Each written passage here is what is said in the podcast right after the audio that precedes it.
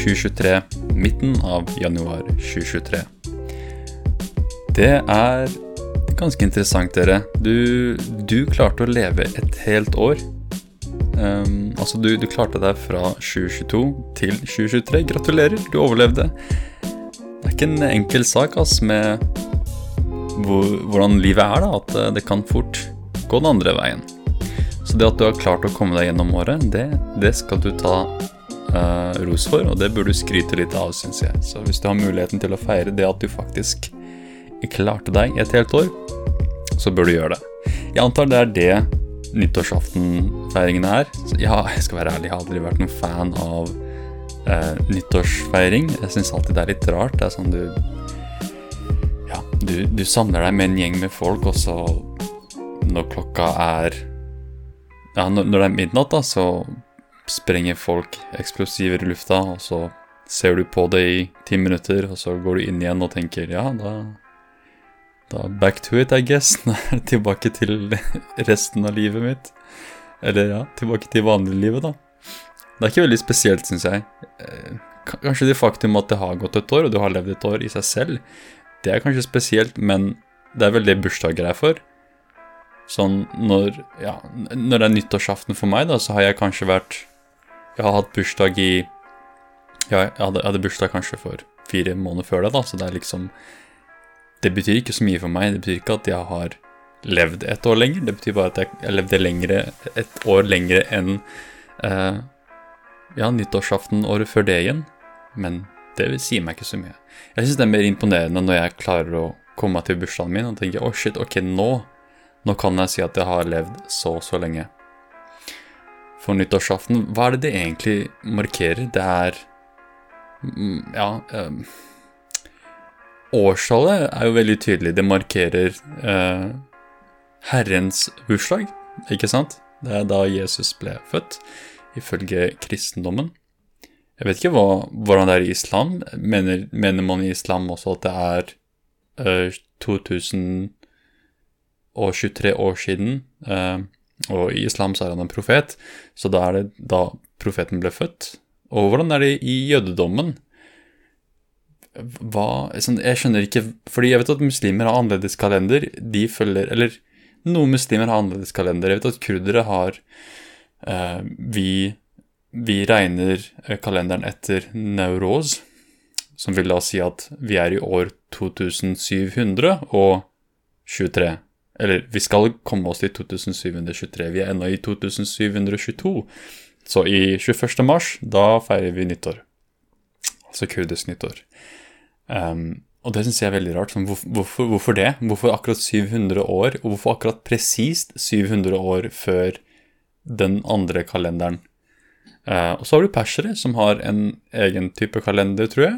Um, og så er det helt sikkert andre kulturer da, som har sin egen type kalender.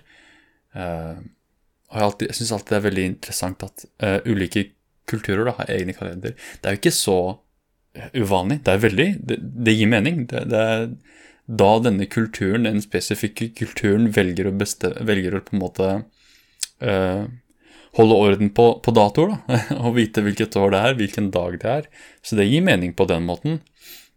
Men når jeg tenker på eh, årstall og, og ja, det å, det å, beregne tid generelt, for meg, det virker ikke som veldig, sånn, en veldig sånn viktig ting annet enn for eh, administrasjon, for sånn regnskapsføring, for byråkrater. Sånn, for ellers, hvem, hvem, bryr seg egentlig om vi er i år 50.342, eller om vi er i 2023?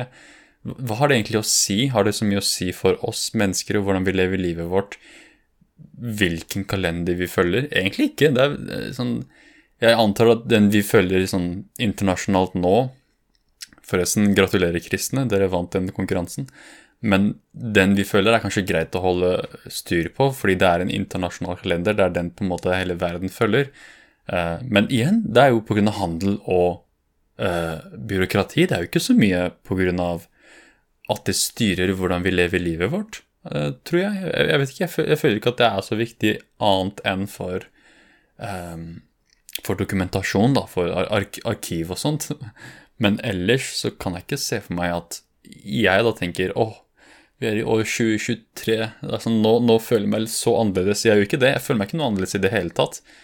Eh, sånn, før, før nyttår så følte jeg for å fjerte, og etter nyttår så føler jeg fortsatt fra fjerte, liksom. Det er ikke, fjerten kom aldri ut, jeg føler meg ikke noe annerledes, hvis du skjønner hva jeg mener. Nå, nå var fjerten metafor, da, men eh, det, det, er liksom Ja, jeg har fortsatt det derre det, det, jeg har inni meg, da, som på en måte er i meg og Ja, bare er der og er irriterende, er noe jeg vil få ut, men jeg klarer bare ikke å få det ut. Det er der fortsatt, ikke sant? Den, den følelsen, den delen av meg som sier du er avskum, du bør Du bør hate deg selv. Den delen er der fortsatt, så jeg, jeg skjønner ikke hva, hva, Det at vi skal samle oss og ja, gratulerer, jeg har ikke sett deg på et år, jeg har ikke dusja på et år. Hvordan skal det hjelpe meg med å føle meg noe bedre? Det gjør jo ikke det. Det som kanskje får meg til å føle meg bedre, er å være omringet av uh, venner. Altså ikke de som sier sånn uh, 'Å, jeg har ikke sett deg på et år, og har ikke dusja siden' ikke, ikke sånne venner, men folk som du faktisk bryr deg om, da. Folk du kan sitte og snakke, snakke med om um, ekte ting, da. Eller familie. Jeg, jeg, har, jeg skal være ærlig, de siste par årene så har jeg tilbringet alle nyttårsaftene med venner, og jeg skjønner ikke hvordan det ble en tradisjon. For når jeg, var, når jeg var barn, så var alltid nyttår noe man feiret med familie. Og det gir mening, for når du er barn, så er det ikke sånn at du ofte har liksom venner å gå på fest med og, og feire nyttårsaften på den måten, da er du stort sett der hvor foreldra dine er, så, så, det gir litt mening. Men jeg syns alltid det var litt mer koselig å tilbringe de med familien enn med venner. Med venner så føles det litt som en sånn sosial greie, men med familie så føles det litt annerledes. Da er det ikke noe sånn sosial greie, egentlig. Og det syns jeg er veldig rart. Fordi når, når du er ute med andre fremmede folk, da er du sosial. Men hvis du tilbringer tid med familien din, så er du ikke så sosial. Det er liksom en mindre grad av å være sosial. Det syns jeg er veldig rart. At du på en måte Du kan bli ansett som en veldig, veldig sosial person hvis du eh, kan gå ut og snakke med fremmede og henge med dem og, og kose deg med dem og være utadvendt på den måten. Men hvis du er en sånn person som ikke takler å være med noen andre, og bare er med familien din, og faktisk har et veldig godt forhold til dem og, og på en måte uttrykker deg og um, er sosial i den konteksten, da, så kan ikke du regnes som en sosial person. Da er du en introvert. Eh, en introvert som, som, er veldig trygg på de folka du kjenner. Og jeg syns det er litt urettferdig for de folka som er veldig sosiale når de er kun med familie. Jeg er litt annerledes. Jeg er ikke sånn. Jeg er helt motsatt. Med familie så er jeg veldig stille og rolig. Jeg sier egentlig ikke så mye. Jeg jeg ser alltid stygg ut, for en eller annen grunn. Det er kanskje fordi alle i familien min er veldig vakre, sånn at i sammenligning så, blir, så, ser jeg veldig stygg ut. Så jeg føler meg veldig stygg. Uh, uh, uh, men jeg, sånn ellers jeg, jeg er veldig stille. Sånn, jeg, har ikke, jeg har ikke så mye på hjertet. Det er ikke så mye Ja, hva var det du driver med, fatter'n? Hvordan går det med hagen? Uh, hei, mamma. Uh, gikk, det, gikk, det, bra med å lage risen? Det er sånn, hva, skal jeg snakke om? liksom? Jeg kan ikke snakke om damer eller snakke om Eller man, man, bør jo egentlig det. Man bør kunne snakke om hva som helst med foreldra sine, men når vi snakker om kurdiske foreldre, så er det ikke det helt det samme. Det er ikke sånn at jeg kan komme ut og si ja, snakke om alle de damene jeg har vært med. Det, det går jo ikke. Det er jo helt, da, da får jeg en slapp over hodet og blir kalt en æresløs liten dritt. ikke sant? Benamis. you have no honor.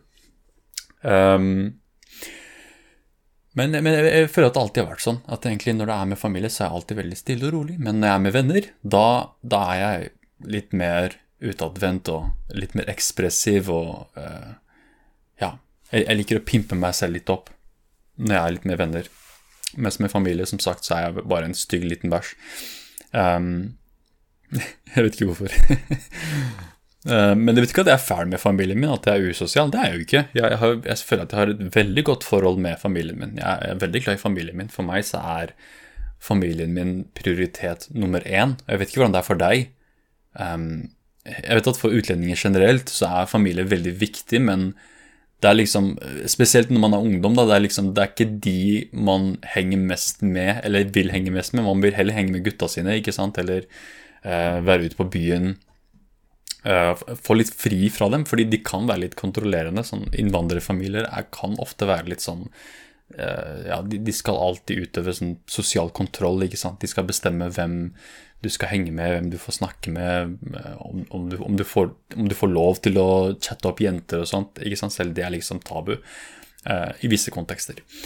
Um, men ja, når du, deg, når du kommer deg ut av huset, da, så er det litt mer sånn frihet. Ah, da kan du liksom være deg selv. Og det syns jeg er veldig, veldig synd. Um, for jeg, jeg, føler ikke det er at, at nordmenn har den uh, ja, den, den, situasjonen. Kanskje jeg tar feil. Uh, kanskje dere norske lyttere der ute kan, hvis det er noen av dere, kan ja, belyse situasjonen litt. Fordi det, det, det jeg relaterer til hvordan nordmenn er med familien sin, er sånn at uh, ja, det er Faen ta deg, mamma, din hore, la meg være! Det er liksom Sånn Sånn typisk uh, Typisk sinna liten kid som uh, ja, traumatiserer foreldrene sine og kaller dem alt det fæle. Det, er det inntrykket jeg har av norske barn og hvordan de er med foreldrene sine. For det har, det har vært litt sånn med de vennene jeg har hatt, de norske vennene jeg har hatt. Eller jeg skal være ærlig, det har ikke vært så ille. Ikke så ille, men det, det, har vært litt sånn Oi, du snakker om det med mora di. Det, det er litt sånn litt rart. Liksom, du snakker med dem om, om dama di og eh, ja, og, om, om, ting du gjør når du er ute og fester. Det er litt rart. Eh, foreldrene mine de vet ikke at jeg snakker med jenter engang. De tror jeg er homofil. Sånn, de, festing de, de tror ikke jeg har venner engang. Sånn Sånn Alt er veldig sånn privat. sånn Alt ut, utenfor huset, det, det, deler du ikke med foreldrene dine. liksom, Det er et innvandrerhjem. Du kan ikke gå, gå, hjem og liksom å, uh, Jeg data en sånn og sånn chick, og var sånn. Det syns jeg alltid er jævlig rart. Når, når jeg ser innvandrerkids liksom ha et sånt åpent forhold med foreldrene sine, tenker jeg sånn wow, du er assimilert. Du er godt integrert. altså At du kan, du kan liksom ikke bare snakke om hva som helst med foreldrene dine, men til og med snakke norsk med foreldrene dine. Wow! Imponerende. En integrert utlending. Veldig kult. Veldig kult av deg å, å, å snakke norsk med foreldrene dine. Wow! Du er kul, altså. Jeg, sk jeg skulle ønske jeg hadde sånne foreldre som deg, tenkte jeg. Wow, så kult. Sånn, ja Komme hjem liksom snakke med full norsk dialekt. da Ikke sånn innvandrergebrokken norsk, men full norsk. Eh, ordentlig norsk. Det med foreldra, og så svarer foreldra på gebrokkent norsk, og så fortsetter dere det? For meg er det ikke sånn. For meg er det som hvis jeg sier noe til foreldrene mine på norsk For det første, det føles jævlig rart. For det andre, når de svarer på gebrokkent norsk, så bytter jeg bare tilbake til kurdisk, for det er bare så rart. Og jeg, jeg, jeg vet at jeg snakka med det her om Roman en gang på podkasten. Om dette her, for han fortalte litt om hvordan eh, moren hans på russisk høres så utrolig intelligent og um, uh, Hva kalles det når man har stort vokabular og alt det der, og, og, eloquent heter det på, på engelsk. Sånn vel, veltalt. Um, og, og, veluttenkt, mens på, på, på norsk kan, høre, kan, man høres litt mindre uh, Ja, i mindre grad sånn ut, da. Og det samme feilet med mine foreldre, er at når de snakker kurdisk, så høres de ut som, som aristokrater, mens når de snakker norsk, så høres de ut som sånn fresh off the boat immigrants, ikke sant. Og det er veldig rart. Uh, og jeg syns det er litt, litt, synd, fordi de, de, nordmennene de møter på, de får aldri møte den der elegante versjonen av dem som faktisk kan formulere seg veldig fint og um, har, har, det, har, veldig sånn, gøy med språket sitt. ikke sant? De, de, de forstår det virkelig godt. De, de, har bare det forholdet til dem som er den derre eh, Hei på deg som den er. Ja, gjør på den. ja, ja, ja, ja. Ikke sant? Det er liksom Det er ikke det er jo ikke sånn de snakker på Gud. Det er ikke som om de snakker sånn til meg 'Hivar på den, du kommer hjem, spiser middag'. De snakker ikke sånn. Liksom. De snakker jo et, et, annet språk, da, men hvis man hadde oversatt det, hvis det var subtitles Jeg tror det hadde gjort livet, livene våre så mye lettere, og at folk bare kunne snakke det språket de snakker. Og så får de sånn subtitles rett under det de sier. Jeg tror vi hadde forstått hverandre mye bedre, alle sammen. Um, men hvis vi går enda tilbake i podkastgjestene mine, så hadde jeg jo et par andre gjester som hadde helt motsatt syn. og Det var det derre ja, Hvorfor lærer du ikke bare norsk?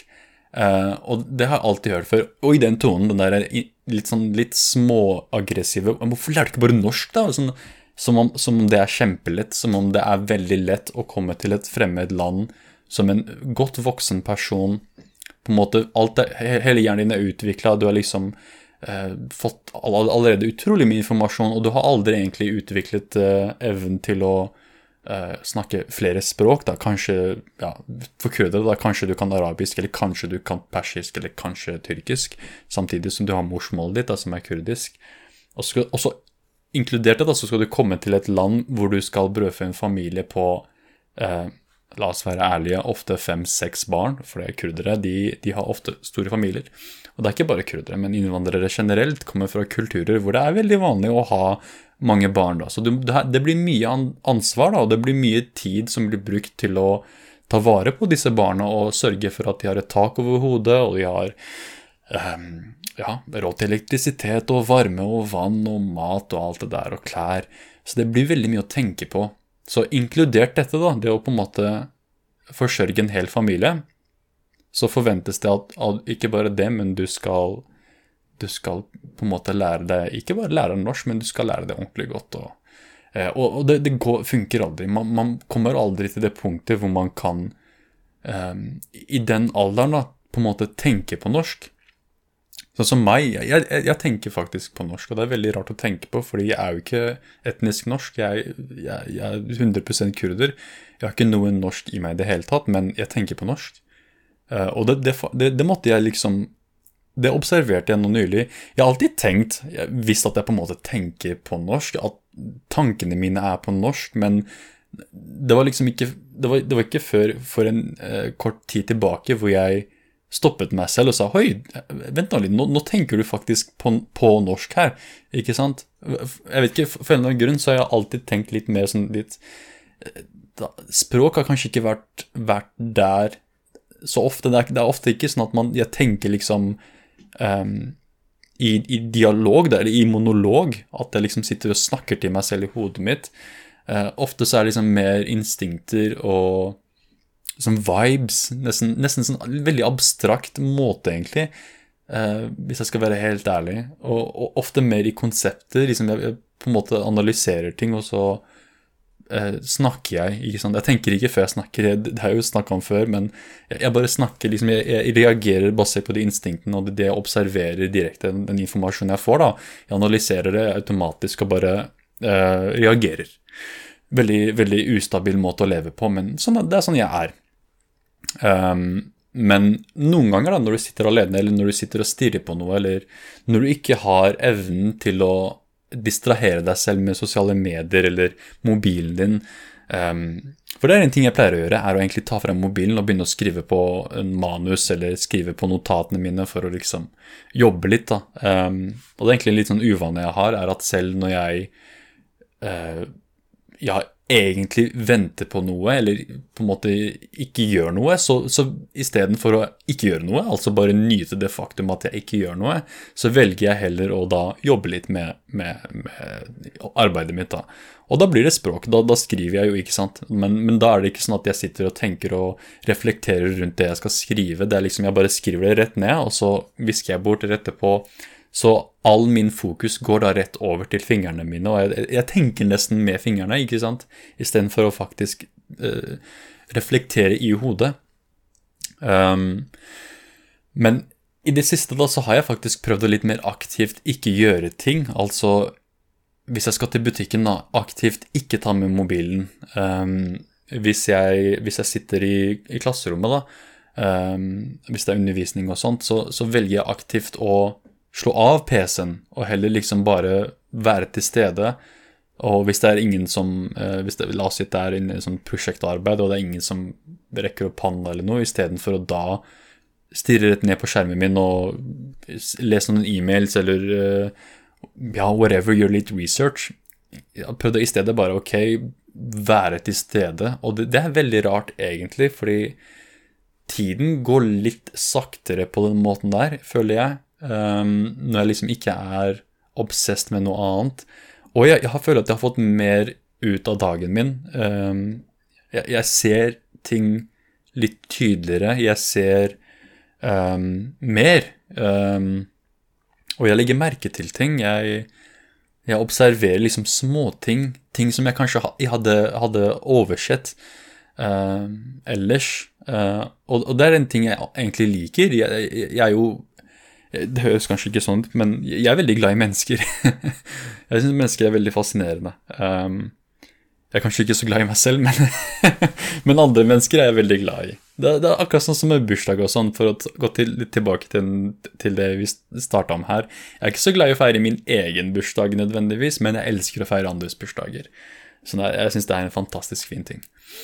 Um, men det, det, det, er noe egentlig jeg liker, og det er å observere mennesker. fordi for meg hvis jeg tenker på livet generelt Jeg tror ikke livet hadde vært uh, verdt å leve hvis ikke det var at vi hadde flere mennesker. At det var liksom så mange av oss, og så mange rare versjoner av oss.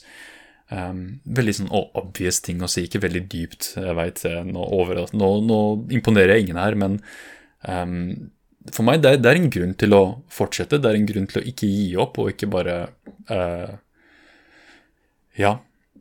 Uh, hva kaller man det på norsk? Unalive? Uh, det er jo en grunn til å ikke gjøre det. er nettopp fordi livet er ganske spennende, egentlig. Det er, det er veldig mye fine mennesker, og det er veldig mye, mye, fine opplevelser du kan oppleve hvis du fortsetter. Um, og ja, for meg så har det alltid vært en, en type inspirasjon. Da. Det, det at jeg syns mennesker er litt fascinerende. En, en, både inspirasjon og en motivasjon til å være et godt menneske, egentlig. Um, og igjen, ikke, bare, ikke, for å prøve å, å, prøve å imponere, men, men jeg syns det er veldig viktig å være et godt menneske. Uh, eller i hvert fall prøve. Det er ikke alltid jeg klarer å være et godt menneske, men jeg, jeg prøver. For meg så er det en aktiv sånn uh, en, en, strevelse, en, en, en jakt jeg, jeg, er ute på. Liksom jeg, jeg, prøver alltid å være et godt menneske. Det er ikke alltid jeg klarer det, men jeg prøver. Det det er noe jeg alltid tenker på. Eh, det jeg syns er veldig trist, er når jeg møter på folk som uh, enten har gitt opp uh, med å prøve å være et godt menneske, eller prøve å være empatisk, prøve å, prøve å leve liksom med andre istedenfor å leve for å leve, og uh, leve i kontrast med andre. Ikke sånn at du lever ditt liv, jeg lever mitt liv, men istedenfor å tenke at vi er alle her sammen.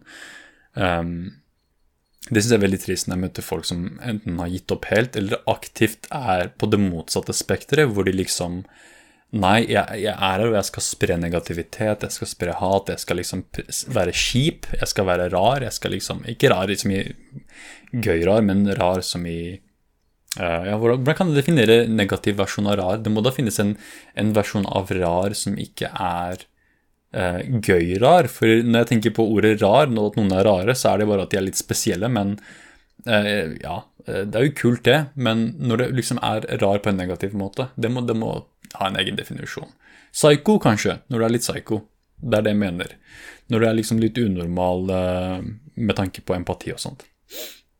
At du ikke klarer å se det. Hvis du liksom ser noen som har det ganske fælt, og du, liksom, du, du bryr deg egentlig ikke. Det er liksom what the fuck. Ehm, jeg, er litt annerledes type psycho. Jeg, er en sånn som får, får, nesten litt sånn nytelse i det at noen andre har det litt vondt. Uh, og det, Jeg tror jeg kanskje har snakka om det før, men for meg så er det en veldig sånn vakker ting. Det er sånn Å, stakkars, ikke sant. Og det, det føles litt godt, fordi det, det, får meg til å tenke på de gangene jeg hadde det dårlig. Uh, og jeg, jeg, vet hvor, liksom, hvor sterk de følelsene kan være når du uh, la, la, oss si at du får hjertet ditt knust av en, av en dame, da. Uh, og du sitter der liksom Å, ingen, ingen, liker meg, og bla, bla, bla. Og at uh, ja, det, du kommer aldri til å Du kommer til å dø singel, og bla, bla, bla. Uh, whatever. Eller at du, du bare elsket henne, henne, så mye, og så forlot hun deg. Whatever. Um, det syns jeg er kjempevakkert. Når jeg ser folk oppleve det der, sånn der at de får hjertet sitt knust, det syns jeg bare er så frikings gøy. Eller når de er deprimerte når jeg ikke er det. Da blir jeg sånn Oi, du, du, er egentlig litt heldig, ass. For det er egentlig ja, jeg savner det litt når jeg ikke er det. Men, men, når jeg er det, og når jeg merker det off som veldig mye, så, så, er det litt sånn motsatt. Det er liksom ah, det her er egentlig ganske fælt, for en eller annen grunn. Um, apropos det, jeg syns alltid det fins en balanse når, når, jeg tenker på det. Fordi det, det, er liksom en viss grad av det, en viss grad av uh, sånn selvkritikk og selvhat tenker jeg er sunt å ha. Eh, fordi det kan motivere deg til å forbedre deg, det kan motivere deg til å ville bli bedre, men når det blir for mye, da blir det nesten sånn at du blir um, Ja, at du blir uh, paralysert, og du klarer egentlig ikke å gjøre noe som helst. Det eneste du vil gjøre, er egentlig å bare ja, ligge på senga og ikke gjøre noe som helst. Den, den versjonen synes jeg er ganske ille.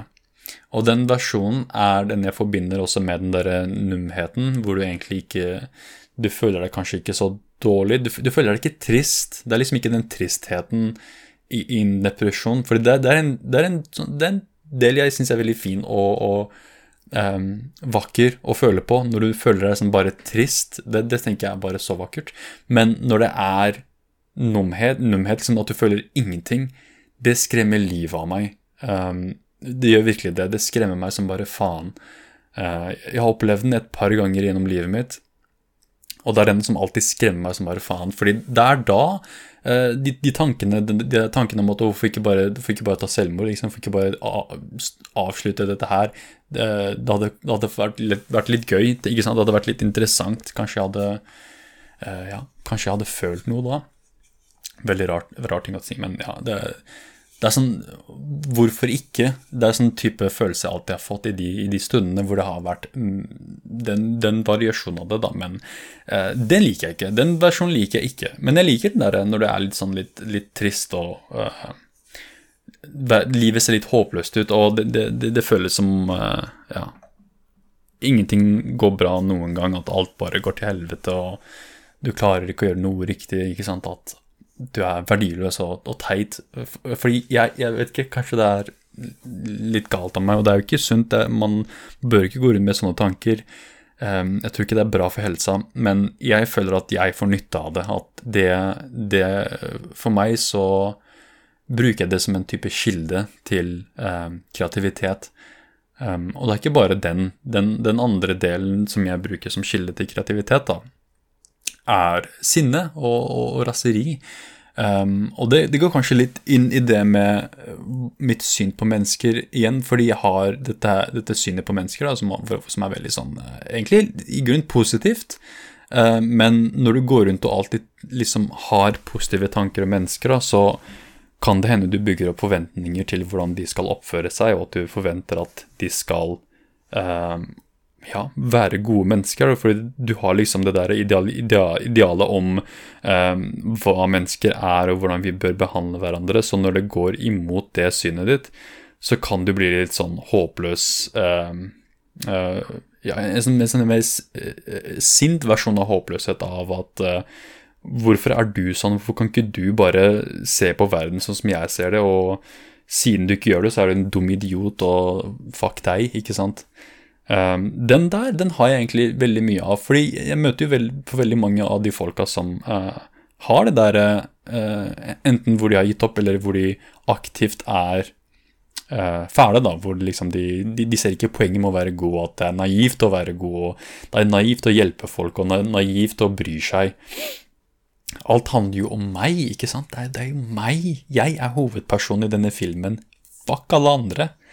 Uh, den type mentalitet. Og um, i jobben min så er jeg veldig heldig med å ikke møte sånne mennesker, for jeg tror ikke det er de type folka som uh, ender opp på en folkehøyskole, og ikke elevene heller. Det er ikke veldig mange av elevene mine som er liksom på den måten der, da, så jeg er veldig heldig på den måten, men jeg møter de definitivt uh, ellers i livet, sånn i, i både profesjonell arbeid og og med det mener jeg utenfor alt det ja, skole å gjøre. Da. Men tenker jeg til og med på podkasting, hvor jeg liksom møter litt på sånne folk som er litt eh, ja, litt egoistiske, eller sosialt også. Det møter jeg kanskje mest her i, i, ja, i, i situasjoner da, hvor det er jeg er ute med noen venner, eller eh, på en fest hos en kompis, så plutselig møter jeg en person som jeg tenker Holy shit, du er du er, jeg, jeg, får bare røde flagg her.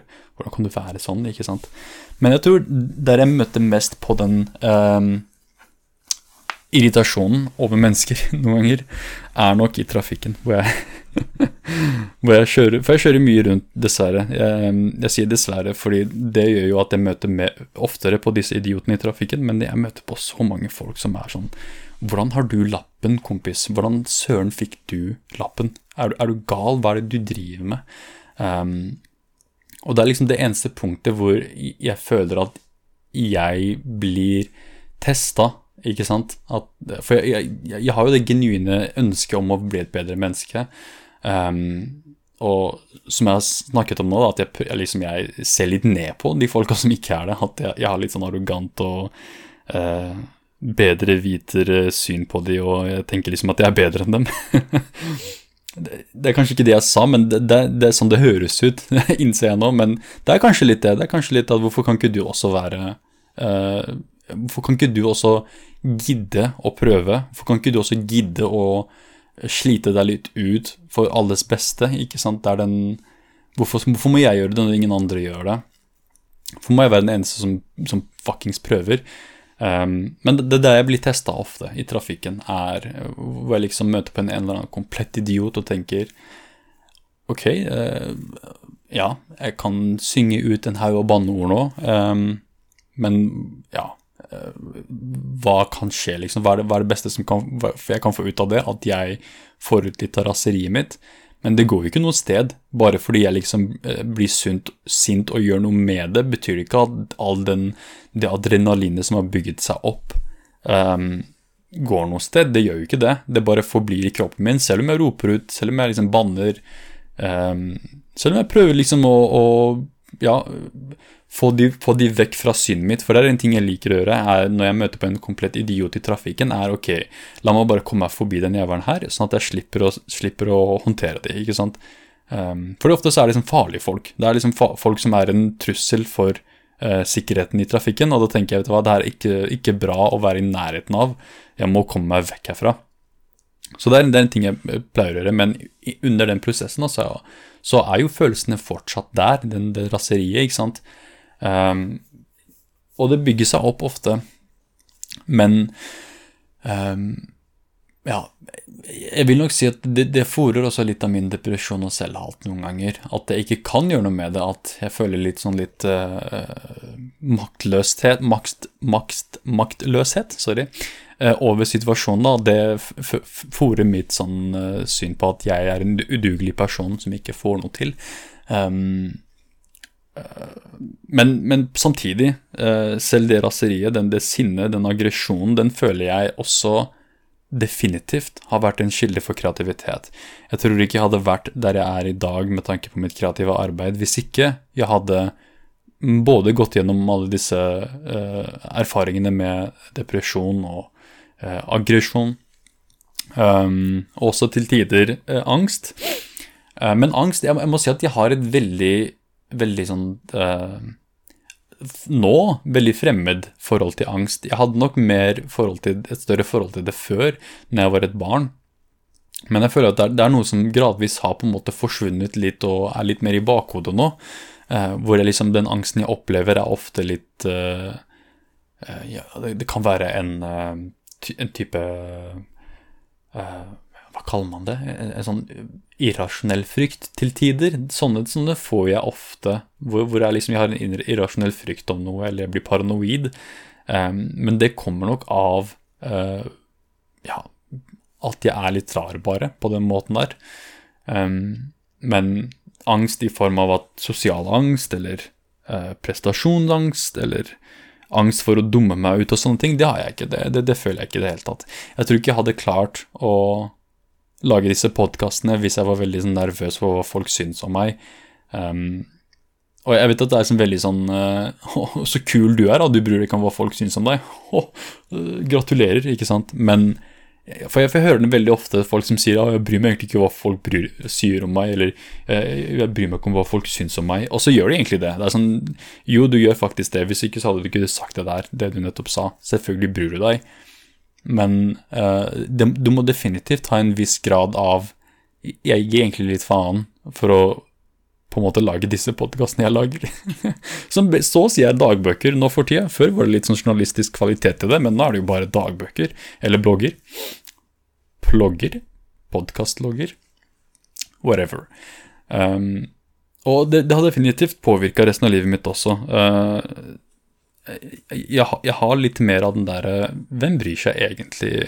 eh, synet på, på, visse ting da, som kanskje for andre folk kan virke veldig sånn nervepirrende å gjøre. Enten det er å snakke foran folk, eller det er å eh, gå opp til noen, og, noen fremmede og snakke med dem, eller det er å ringe noen. Sånn, det husker jeg var skikkelig, skikkelig, skummelt før, det å ringe noen. Sånn, hvis du skal ringe selv for å bestille pizza eller noe, det er sånn, du blir, blir sånn meg livredd. Blir skikkelig nervøs. Nå er det ikke sånn i det hele tatt. Nå, nå er det sånn Ja, whatever. Det, det er ingenting. Um, det syns jeg er veldig rart. Men du må definitivt ha den, ha den der litt den derre Hvem bryr seg? Det er, sånn, det er, ikke noe å være redd for, det er ikke noe å være flau over. Spesielt ikke sosiale situasjoner. Sosiale situasjoner er kanskje noe jeg syns er veldig veldig gøy når jeg faktisk blir nervøs. For en ting er å ha angst, men å bli nervøs La oss si at du skal snakke foran mange folk, da, og du blir litt nervøs. For meg så er det en skikkelig kul følelse, altså. Det, det var på en måte å få hjertet ditt til å Når hjertet ditt banker, og du er nervøs, og um, du skjelver litt, ikke sant. Sånn syns jeg er utrolig uh, digg følelse. Uh, det kan hende at det er fordi det er den følelsen jeg føler på minst. At jeg har veldig lite av den der. Jeg har veldig lite av den nervøsiteten. Så det er en veldig sånn, en sånn uh, fremmed type følelse. Den er ikke veldig veldig kjent. Jeg har ikke så godt kjennskap til den lenger. Jeg hadde det selvfølgelig før, når jeg, ja, jeg flytta mye rundt som en kid. Uh, og da er det alltid sånn ny skole, nye fjes, nye hjem, ikke sant. Alt er nytt, og da, da, er, sånn, da er, du litt nervøs for å uh, ja, få deg venner. Hvordan skal ting være? Hvordan kommer lærerne mine til å være? Hvordan kommer uh, elevene til å være? Kommer jeg til å få noen venner i det hele tatt? Hvor lenge skal jeg bo her før jeg flytter igjen? ikke sant? Det var så mye nervøsitet forbundet med hverdagen min. Um, men så fort ting ble litt mer stabilt, så var det litt sånn uh, Ja, da, da, tilpasser man seg. Så jeg, jeg tilpasset meg veldig kjapt til uh, Ja, uansett hva det var, da, og når det var stabilitet, så tilpasset jeg meg til det også, men um, Ja, jeg, jeg, føler at den der nervøsiteten forsvant litt. Uh, Kanskje jeg fikk litt for mye av det, og så plutselig ikke noe av det, og det gjorde at jeg, hjernen min kortslutta eller noe med nervøsiteten. Men når jeg føler det nå, det er noe av det fineste jeg vet om. Og eh, noen ganger så putter jeg meg bevisst i situasjoner hvor eh, jeg prøver å fiske etter disse følelsene av nervøsitet. Eh, enten det er å starte podkaster, sånn som nå, da, at jeg egentlig ikke hadde noen planer i det hele tatt om hva jeg skulle snakke om, nettopp for at jeg, kanskje jeg skulle bli litt nervøs og føle på den derre Eh, nervøsiteten og at hjertet banker litt. Men det, det skjedde ikke. Jeg, jeg, tror ikke jeg følte den i mer enn to sekunder, og så gikk det over. Sånn, så fort jeg sier 'yo, hva skjer det, hiver', og så er det over. Så det er litt skuffende, egentlig, men kanskje, kanskje hvis jeg filmer, kanskje det hjelper litt mer, hvis jeg filmer disse podkastene. For da, da, da blir det litt mer personlig, egentlig. men jeg skal være ærlig, jeg har aldri vært noen fan av videopodkaster. For meg så er det som podkasting er lyd. Hva, hva, skal du med video for? Hva, hva, er det du prøver på? Ikke sant? Og da blir det alltid litt sånn, sånn som før, da, med, med, fint kledd og fint bakgrunn og alt det der, men det tenker jeg er Det er, det er, det er stress, ass. Hvem har orket til det, liksom? Podkastene her skal være chill, det skal ikke være noe stressende uh, vibe til dem. Uh, og det føler jeg hadde vært hvis det hadde vært kamera. Det hadde vært stressende, ikke nervøst, men, stressende. Jeg hadde vært mer stressa enn nervøs, for det er så mye å holde styr på. Hadde jeg hatt liksom to-tre assistenter, da hadde det vært greit å egentlig ja, lage videoer som før, da, men, men, jeg har ikke tid eller kapasitet til det. altså. Så det er, for meg så er det lyd som er det, det jeg foretrekker. Eh, jeg vet ikke hvordan vi endte opp her eh, som vanlig, men eh, kanskje jeg kan dele noe om min fortid. For jeg snakket litt om dette her med å, flytte mye rundt som kid og, og, og, ja, starte nye steder og starte et nytt liv nye steder. Um, jeg er jo kurder, men selv i Kurdistan så flytta jeg egentlig veldig mye rundt. Uh, jeg, jeg, møtte jo aldri faren min før, før jeg var fem år, for han var allerede i utlandet. Og da ble vi alltid pleid å si han er i utlandet. Jeg visste aldri hva Norge var, eller hva Europa var. Eneste jeg visste, var utlandet. At utlandet er en ting. Og for meg så var utlandet bare ja, forbi fjellene der, det er utlandet. Uh, men selvfølgelig da mye lenger enn det. Um, så jeg bodde liksom mest med onklene mine og tantene mine, så det var liksom en, en, gang bor du der, en gang bor du der. Så det var aldri liksom, Jeg hadde aldri et hjem-hjem. Jeg, jeg, kan ikke huske som, som, barn at jeg hadde et sted som var mitt hus, at det er der jeg bor. Det var alltid der, der er onkels hus, der er uh, han andre onkelens hus, der er tantes hus. Det var liksom mer på den måten. Uh, og når jeg først møtte faren min, og når vi hadde den der uh, familieforeningen, gjenforeningen i Norge, da, hvor vi ble brakt til Norge for å forenes med faren min Tusen takk, norske regjeringen, for det. Takk for at dere henta meg hit og dro meg ut av det kaoset som er der nede. Eh, et av de rareste minnene jeg har fra Kurdistan, er at jeg satt ute på gata og spiste sand. Som var faen? Sånn støv og sand, fordi jeg var bare nysgjerrig. Det er sånn, hva faen, hva er det du gjør, kid? Um, men det er liksom den eneste minnen jeg har som var sånn moro, gøy, som spise sand, veldig teit. No, noe alle barn sikkert har gjort, ikke sant. Den eneste uskyldige minnen jeg har. Alt det andre er bare forferdelig shit, så jeg er egentlig ganske glad for at jeg ikke vokste opp der. Jeg tror jeg hadde vært en helt annen person hvis jeg hadde vokst opp der. Jeg tror ikke jeg hadde hatt den samme mentaliteten som jeg har nå, hvis jeg hadde ja, vokst opp i de utrygge situasjonene som jeg gjorde der. Ikke for å si at eh, barndommen min i Norge var 100% trygg, den også. Det var selvfølgelig veldig mye veldig ustabilt eh, her også, men ikke i nærheten av hvordan det hadde vært i, i hjemlandet. Um, men så, så, selv når vi kom til Norge, da, så var det egentlig litt sånn ustabilt i begynnelsen. Du er liksom Igjen for å gå tilbake til det med å ha en innvandrerforelder. Da. Du er liksom eh, Ja, fatter'n som er kunstner og soldat og liksom har opplevd så sinnssykt mye i livet sitt. Um, også her i Norge da, så er han liksom uh, Jobber der og jobber her og jobber der en dag og der en dag, og plutselig flytter vi dit og hit og dit. Så det var liksom litt overalt. Det var aldri liksom 100 stabilt. Uh, sånn en innvandrer som så vidt kan norsk og har plutselig uh, tre barn og en kone å, å, forsørge, ikke sant, og så plutselig to nye barn. Liksom, det, det, ble, det ble, veldig mye, altså. Jeg, jeg må si jeg beundrer fatter'n for at han takla alt det der. Jeg skjønner ikke hvordan det er mulig. sånn jeg klarer så vidt å forsørge meg selv, og jeg er voksen person. Liksom, Fatter'n var på min alder når han gjorde alt det her, liksom. Så jeg skjønner ikke at han hadde kapasitet til det. Hvordan søren er det mulig?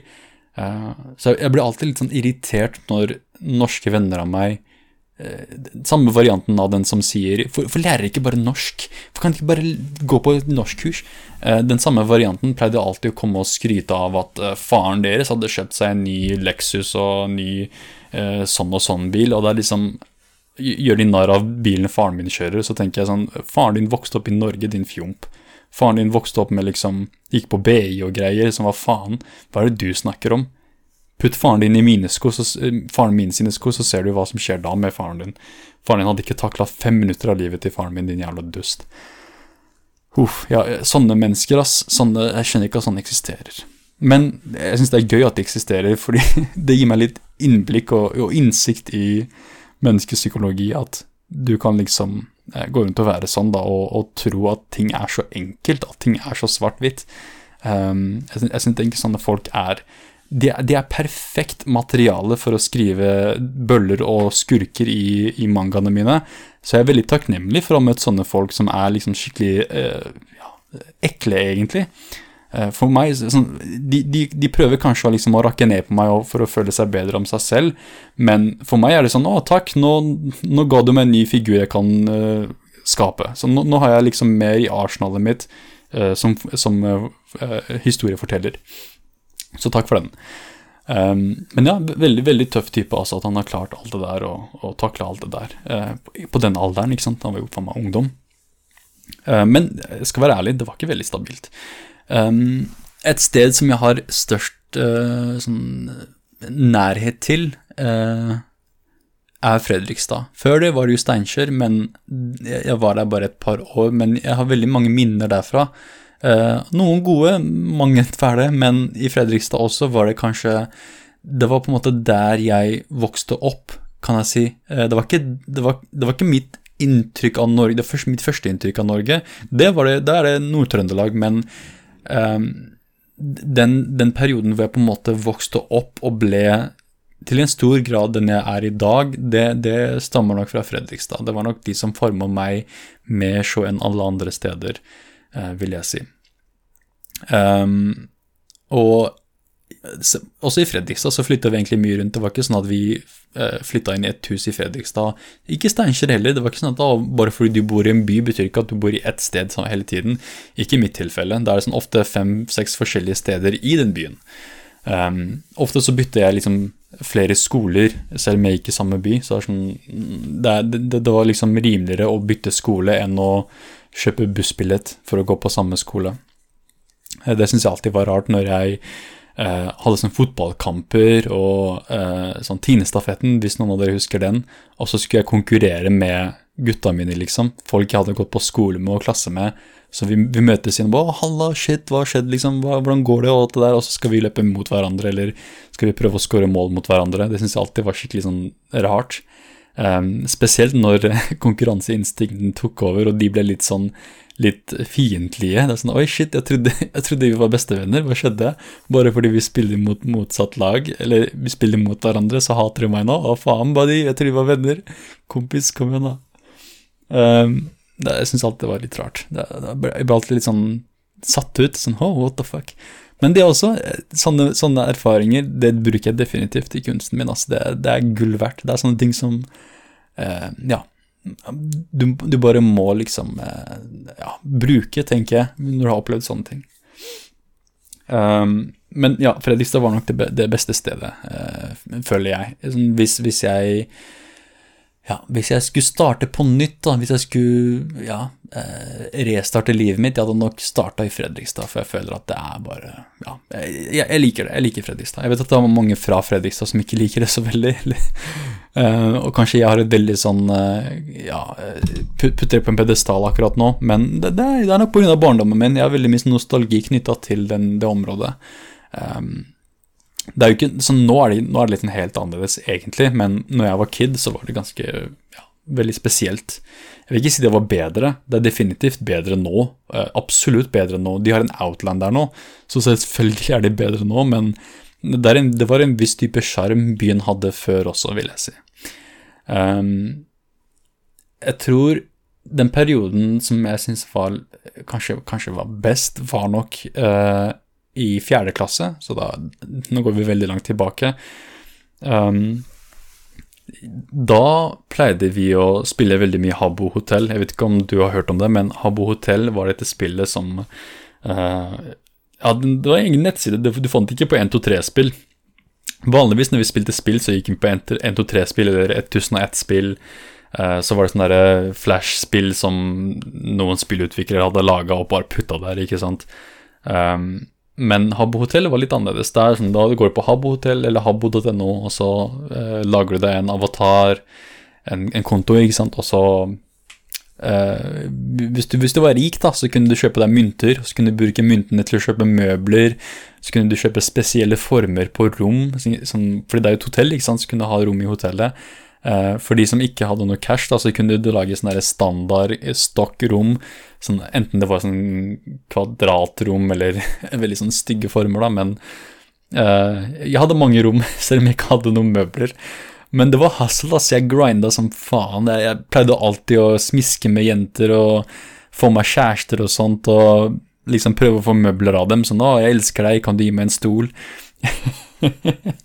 jeg fikk mange stoler, for å si det sånn. Altså, jeg, hadde, jeg, var faktisk veldig flink til å, å flørte med jenter uh, i bytte med møbler. Jeg var ordentlig Jeg holdt på å si H-ordet, men jeg var, jeg var ordentlig sleip ass, når det kom til å få det jeg ville ved å bruke, bruke folks følelser og kjærlighet. Men igjen, nå snakker vi om fjerdeklasse her, du, så det er, liksom ikke så, ja, det er ikke så brutalt. Men jeg skal være ærlig, det, det gjorde at jeg, jeg, hadde mye bedre game når jeg faktisk skulle flørte med jenter også, senere i livet. Da, da hjalp det veldig at jeg hadde fått øvd så mye på Habbo-hotelljenter. Så det var ikke bare liksom ja, Det var ikke uten nytte, altså. De, de, de møblene, de, de, var verdt noe til slutt. Um, jeg, jeg, husker en gang så prøvde jeg å logge inn på kontoen min, men det funka ikke. Og så prøvde jeg og prøvde og prøvde, det, det, det, det hjalp ikke. Liksom, jeg fikk det bare ikke til. Jeg kunne ikke skjønne hvorfor passordet mitt ikke funka. Det var jo veldig enkelt. Det var navnet på bestekompisen min. Liksom, skikkelig enkelt. Jeg burde kunne det her. Har, selvfølgelig glemmer jeg det ikke. Um, og så, prøv, prøv, så, prøvde jeg med, å få hjelp med av en uh, i, i, klassen, da. Og så sier jeg se, det funker ikke. Og så sier han ja, hva er passordet ditt, da? Kanskje du skriver feil, bare. Og så sa jeg passordet mitt, og det er sånn du skriver det. Og så sier han ah, det er veldig rart. Veldig rart at det ikke funker. Uh, dagen etterpå, jeg klarer å logge meg inn. Uh, jeg går til biblioteket, jeg klarer å logge meg inn der og tenker oh, shit, det, det funka visst, tydeligvis. Jeg vet ikke hvorfor, men det funka. og så går jeg inn på rommet mitt og ser på møblene mine. Alt er borte minikjøleskapet mitt, sofaene mine, fuckings alle stolene mine, bordet mitt. Alt plantene mine, alt som jeg hadde liksom grinda gjennom hele, hele min, eh, min, eh, min, karriere som pickup-artist på Habbo hotell, var liksom borte. Hva faen, tenkte jeg. Eh, og så finner jeg ut at det er en i klassen som tydeligvis gir bort møbler til kompisene sine. Og så går jeg inn på rommet hans da, for å se hva det er han gir bort morapuler. Det er mine ting. Og det er han fyren som jeg ba om hjelp om, om, få, om hvorfor passordet mitt ikke funka. Han som sa ah, det er veldig rart hvordan det ikke funker. Uh, det han hadde gjort, var å trykke på capslock. og så tasta jeg inn passordet, og så funka det ikke, for det var på capslock. Og jeg, jeg var dum, dum kid. Jeg, det var jo ikke sånn som nå med tastaturene hvor capslock lyser opp, liksom. At du kan se at du har capslock på. Her snakker vi om eh, skole-PC-er i 2004. Um, men han visste jo selvfølgelig det. Um, så så fort jeg ga opp da, at jeg går ut og spiller fotball eller noe, så logga han seg inn på Habbo-hotellet min og stjal alle møblene mine. Uh, og oh, det, det, gjorde meg så sint, ass. Det gjorde meg så sint. Jeg, jeg ødela, ødela, det vennskapet for godt. Og også han som, han, han som andre som fikk halvparten av møblene. Fordi de ga de aldri tilbake. Jeg fikk aldri noe som helst tilbake av, av de møblene jeg hadde grinda, liksom, og hasla, meg fram til. Og jeg skal være ærlig, jeg er fortsatt litt bitter i dag. Uh, hvis, hvis, mulig, hvis jeg kunne få de møblene tilbake Jeg tror jeg hadde fått litt sånn fred i, i sjelen min. Sånn, ah, endelig litt sånn rettferdighet. Uh, så jeg, jeg, er litt, sånn, litt, fortsatt litt bitter etter de, de Habbo-møblene. Jeg skal ikke, jeg skal ikke ljuge. men Habbo Hotel var ikke det eneste jeg spilte. Jeg var også veldig flink til å spille Mojafas BMW. Jeg vet, om, eh, jeg vet, ikke om, du har hørt om Mojafas BMW, eh, men hvis du, er, hvis du er fra generasjonen jeg er fra, så veit du hva det er. Walla, jeg lover deg, vi skal cruise rundt i hele byen, grønlandsleire, Tøyengata, hele driten, få søk på kølla, store, deilig norsk blondine, hilse på våre brødre, men først skal vi bygge BMW.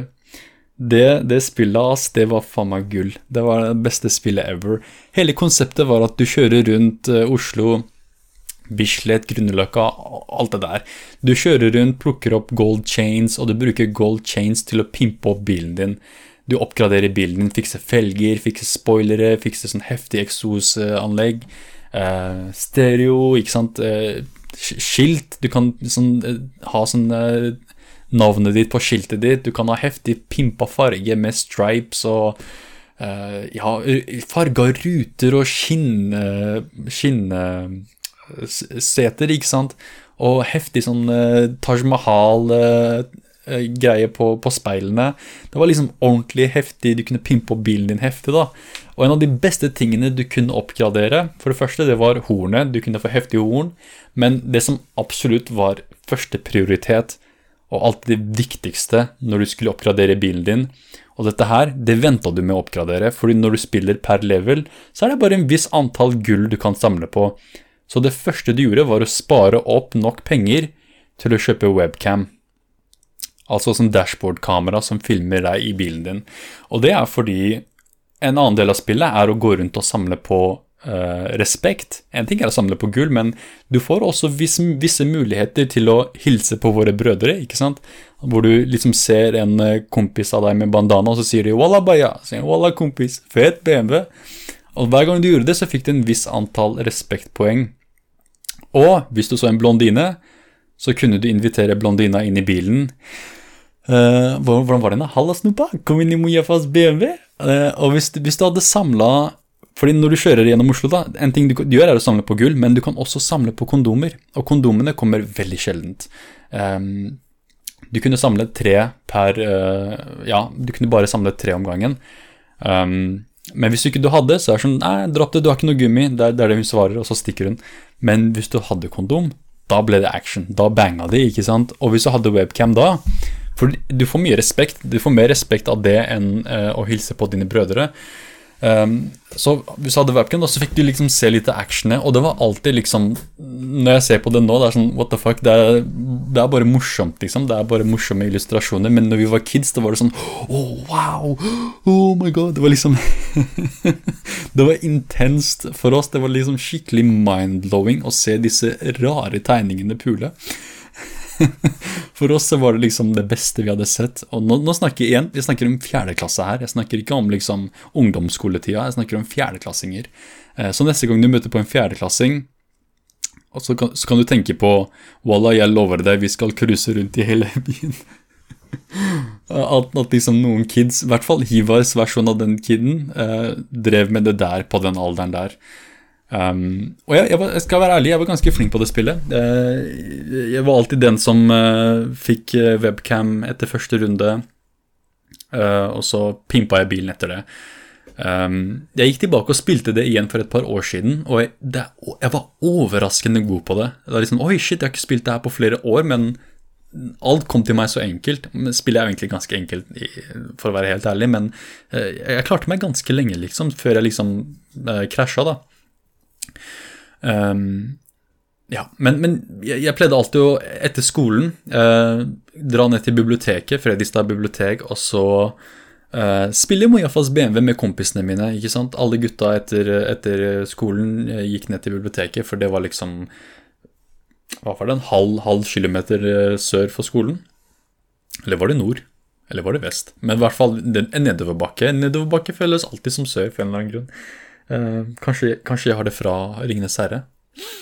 Um, men uh, ja, vi pleide å være der et, et par timer. Uh, jeg husker en gang Men for, forresten, på den perioden her En annen ting som jeg gjorde jævlig mye, var Pixo. Jeg vet ikke om du husker Pixo, men det var så å si sånn egne nettsider du kan lage, sånn som Wordpress, ikke sant, men på denne tiden her Pixu var liksom veldig en enkel variant av det, hvor du bare egentlig var sånn drag and drop med utstyr. Du kunne ha tekst, du kunne liksom ha detaljer, du kunne ha heftig tema.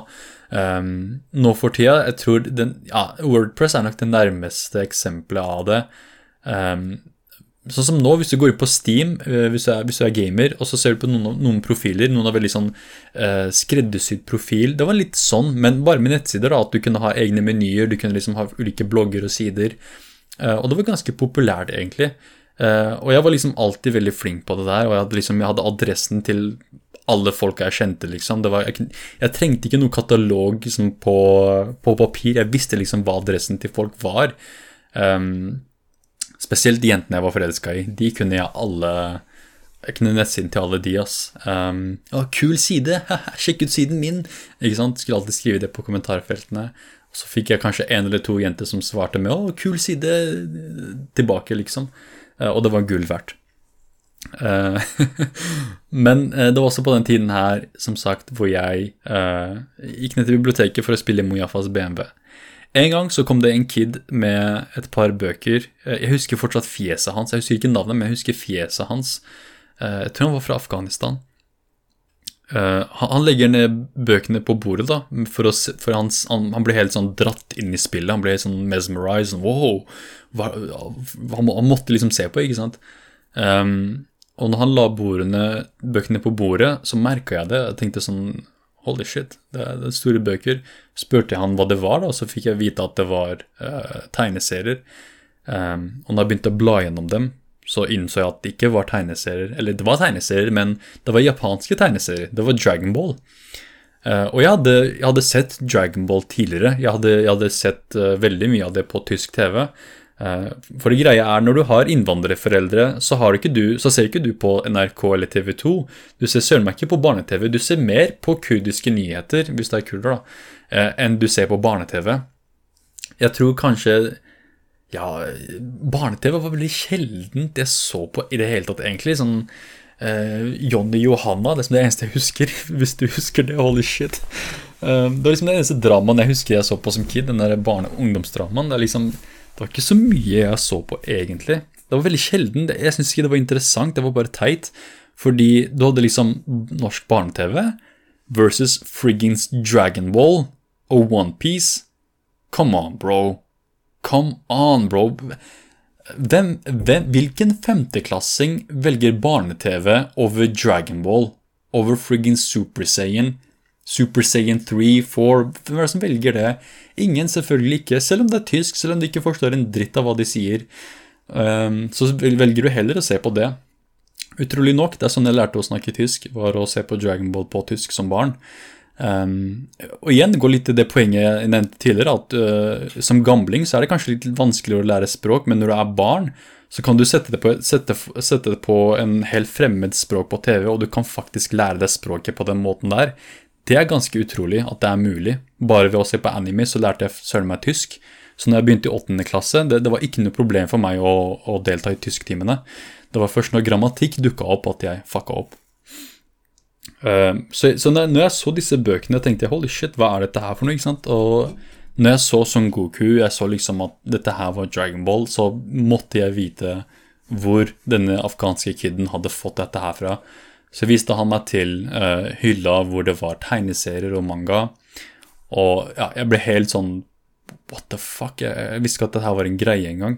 Jeg visste selvfølgelig om tegneserier og, og bøker, men så det eneste bøkene jeg faktisk likte og leste, var Otto-monster.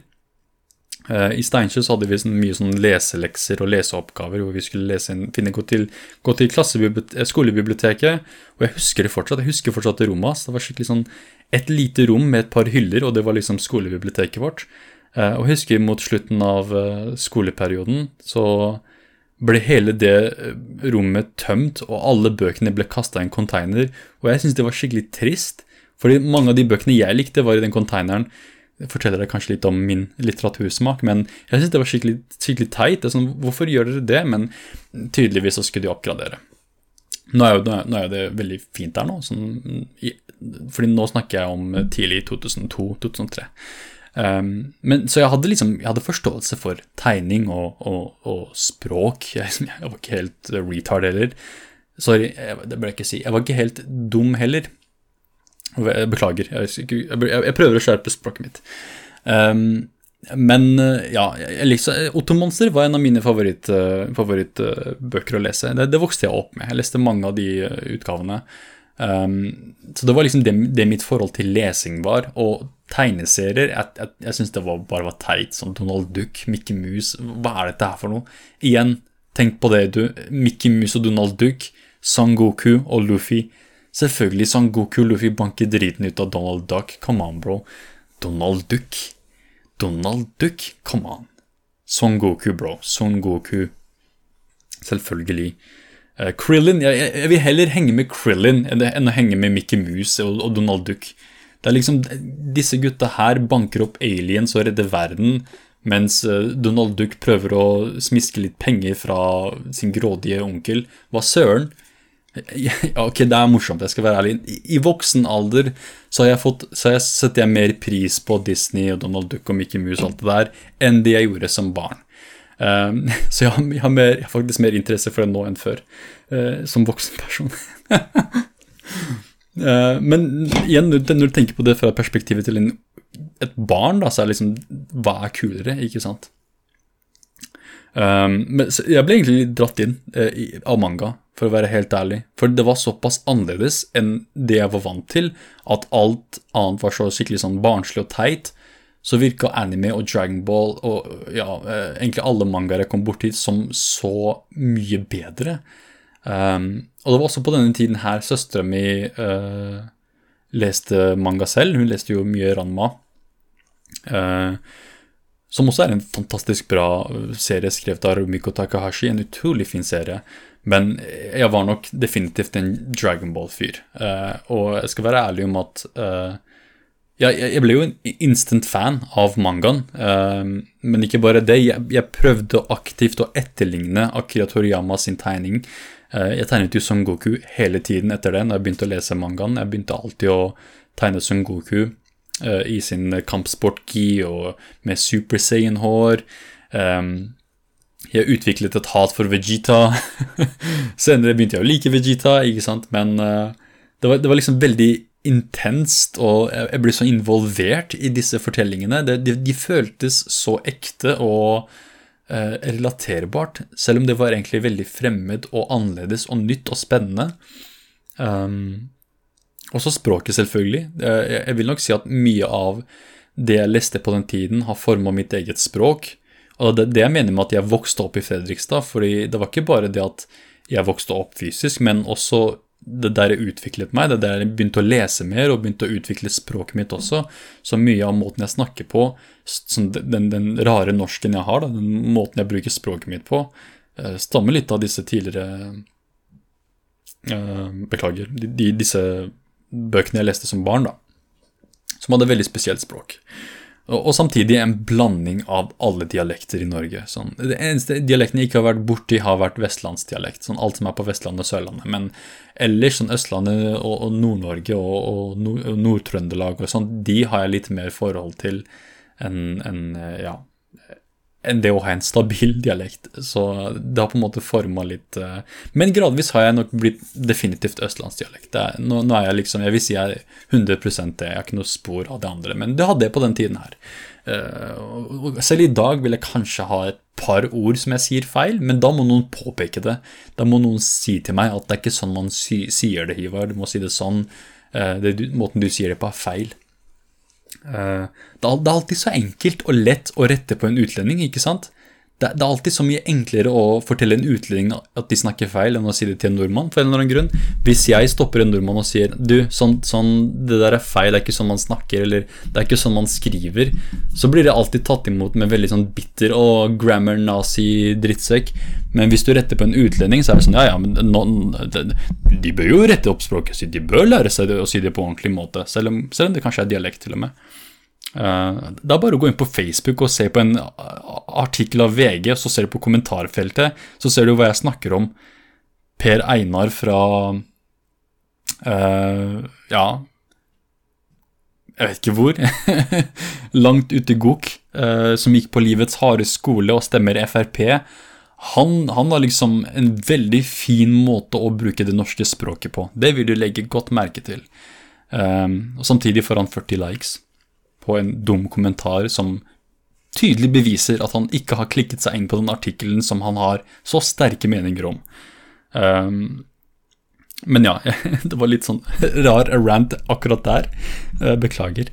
Um, men det, det, var sånn det begynte for meg, i hvert fall, denne reisen med, med manga. Det, det, det var et, en, en, sånn helt tilfeldig greie, egentlig, men det var definitivt sådd frø for det, med, med at jeg så på anime Eh, det første animen jeg så på, var i Kurdistan, faktisk.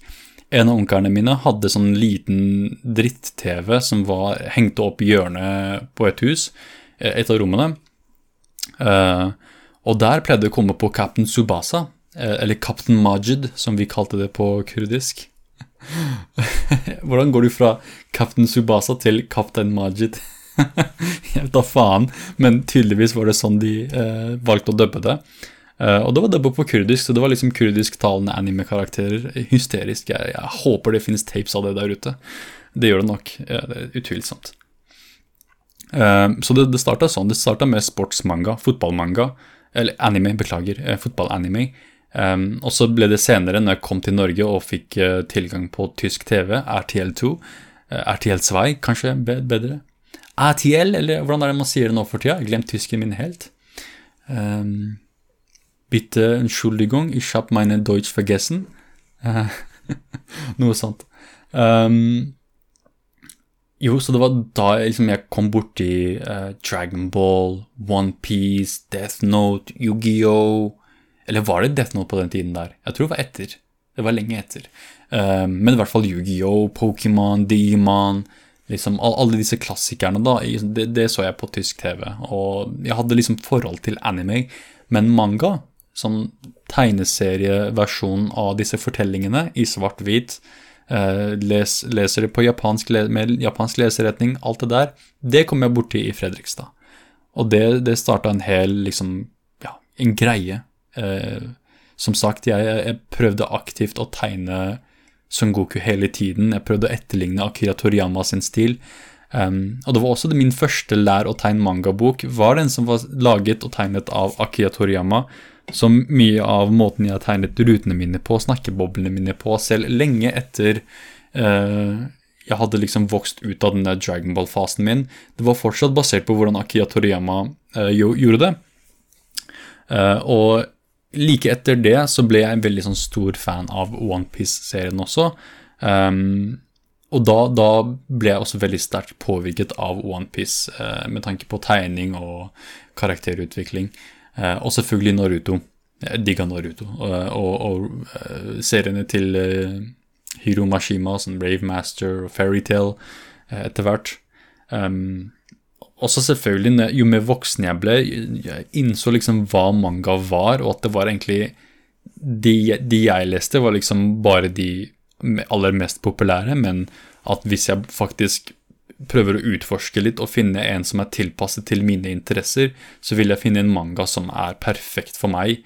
Eh, og det gjorde jeg. Jeg fant en haug av ulike mangaer som var liksom akkurat min greie. Um, og det som er litt synd, er at mange av de er ikke helt De er ikke lovlig oversatt, for å si det sånn.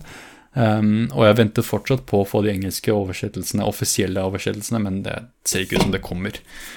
Um, uh, ja, men, men, det er i hvert fall sånn mangareisen starter for meg, og det har egentlig gjort at uh, For meg, da, det har gjort at jeg kan bruke disse følelsene jeg opplever, uh, sånn, de, de tingene jeg opplever i hverdagen min. For det var ikke sånn at jeg gikk direkte fra ungdomsskolen til å tenke vet du hva, jeg skal bli tegner, jeg skal lage tegninger. For det var mange sånne i klassen min og i skolen min. Folk som på en måte alltid var de som tegna hele tiden. Tegna siden barnehagen, ikke sant. Ja, jeg gikk ikke på barnehage engang. Jeg, mens du var i barnehagen, satt jeg i gaten i Kurdistan og spiste sand. Liksom, jeg, jeg, hadde ikke den opplevelsen med tegning hvor det var liksom noe som var oppfordra til å gjøre. Det var alltid liksom ja, ja, du, du, kan tegne nå, men du, du, vokser ut av det. Eller ja, ja, men du må jo bli lege. Du, du skal jo selvfølgelig bli uh, doctor engineer. ikke sant? Du skal selvfølgelig bli uh, lawyer president. Du skal selvfølgelig det. ikke sant? Det, det, tegnegreiene her er bare tull og tøys. Uh, selv i dag selv i dag vil foreldrene mine ofte liksom hinte til at ja, skal ikke du ta doktorgraden din? Skal ikke du gjøre det der og det der? Det er liksom, eh, ok, what, what the hell? Virkelig. Har du ennå ikke skjønt at jeg det er dette jeg vil drive med. Men det var liksom ikke noe jeg, jeg tenkte på før, eh, før jeg faktisk fikk muligheten av Outland forlag å tegne det der konkurransebidraget som jeg sendte inn.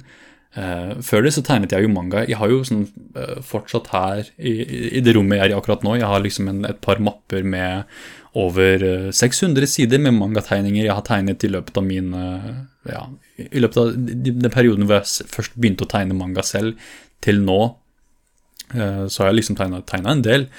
Um, men det var, ikke før lenge etterpå da, at jeg begynte å ta det mer seriøst og, tenkte, og, og jeg innså hva det, hva det, gjorde for meg, hva det hjalp, eh, hjalp, meg for.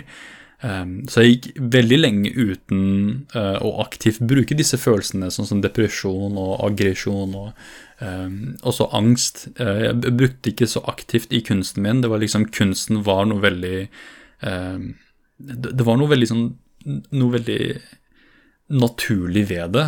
Um, men jeg, tror ikke jeg innså hvor mye det hjalp. Uh, for meg så var det nesten en sånn type avhengighet. Jeg kunne ikke la være å ikke tegne. Det var liksom bare noe automatisk som skjedde hvis jeg hadde noe å tegne på og noe å tegne med. Trengte ikke å være penn og papir engang. Hvis det var snø på en ballbinge, så gikk jeg og tegna på snøen i ballbinga, liksom. Så lenge jeg fikk på en måte skapt noe. Det var alltid noe som hjalp meg intenst.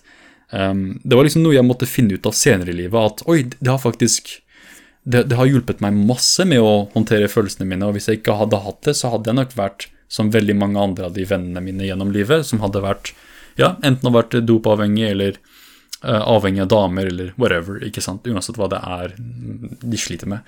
Uh, eller hva, de, hva enn de bruker for å håndtere stress og, og slit i livet sitt. da.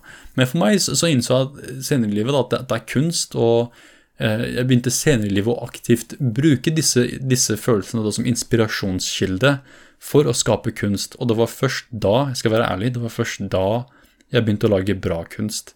Um, før det så, så, så du liksom Du så lidenskapen min, du så liksom min kjærlighet for det, men du så liksom ikke den, den uh, kvaliteten da, som man ser senere i, i, i min, min uh, tegnekarriere, kan man kalle det. Um, At, at jeg begynte liksom å aktivt bruke negative følelser. For det ble bare mer og mer av det. Det ble bare verre og verre jo eldre jeg ble, jo mer håpløst livet ble. Uh, I løpet av studiene, etter studiene, uh, gjentatte hjerteknusende opplevelser. Både, både livet generelt, masse sånn nær døden-opplevelser, og, og, og, bare det å få hjertet sitt knust av en dame.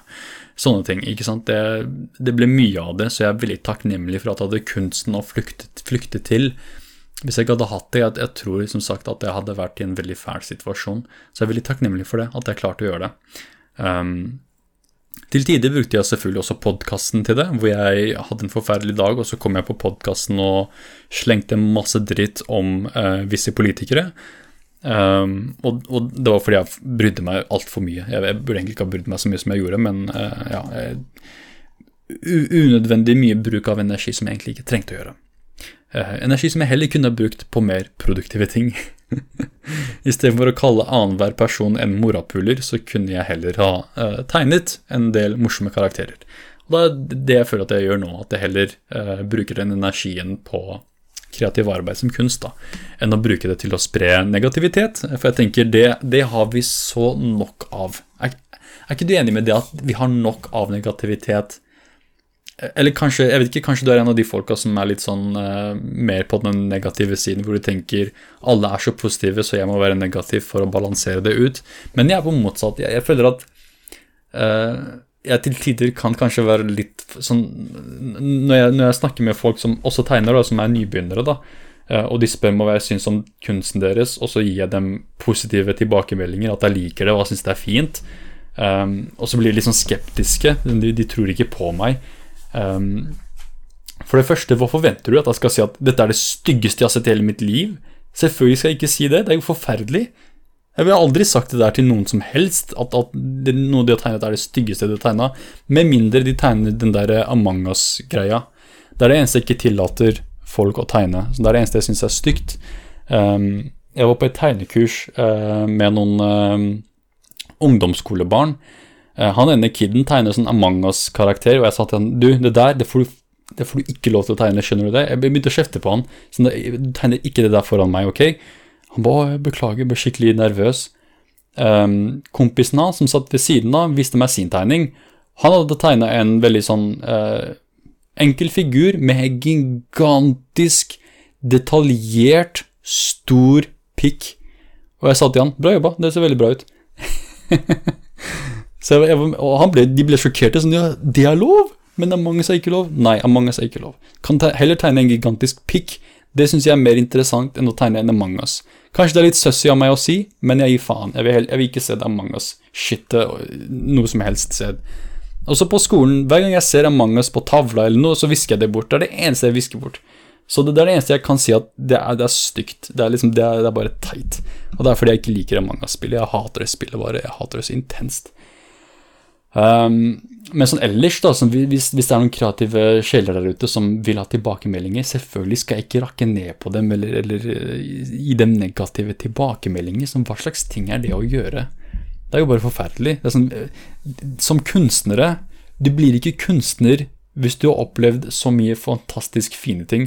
Du blir kunstner fordi du er fuckings irritert, fordi du er Det er noe som irriterer deg, bare. Eller det er noe som uh, ja, noe som er rart, da. Noe, noe du ikke er fornøyd med. Noe Du har en liten sånn kløe etter å, å eh, skape noe godt ut av noe negativt, ikke sant?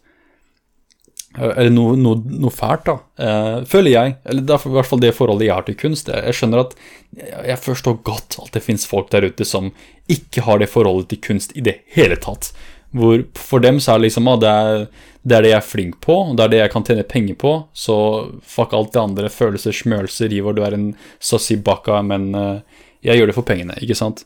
Og, og de folka har jeg også møtt. Så jeg skjønner det at liksom Det, det, det idealiserte og, og romantiserte synet jeg har på kunst, er definitivt ikke uh, Ja, definitivt ikke, ikke, ikke den ledende, uh, ledende synet på kunst.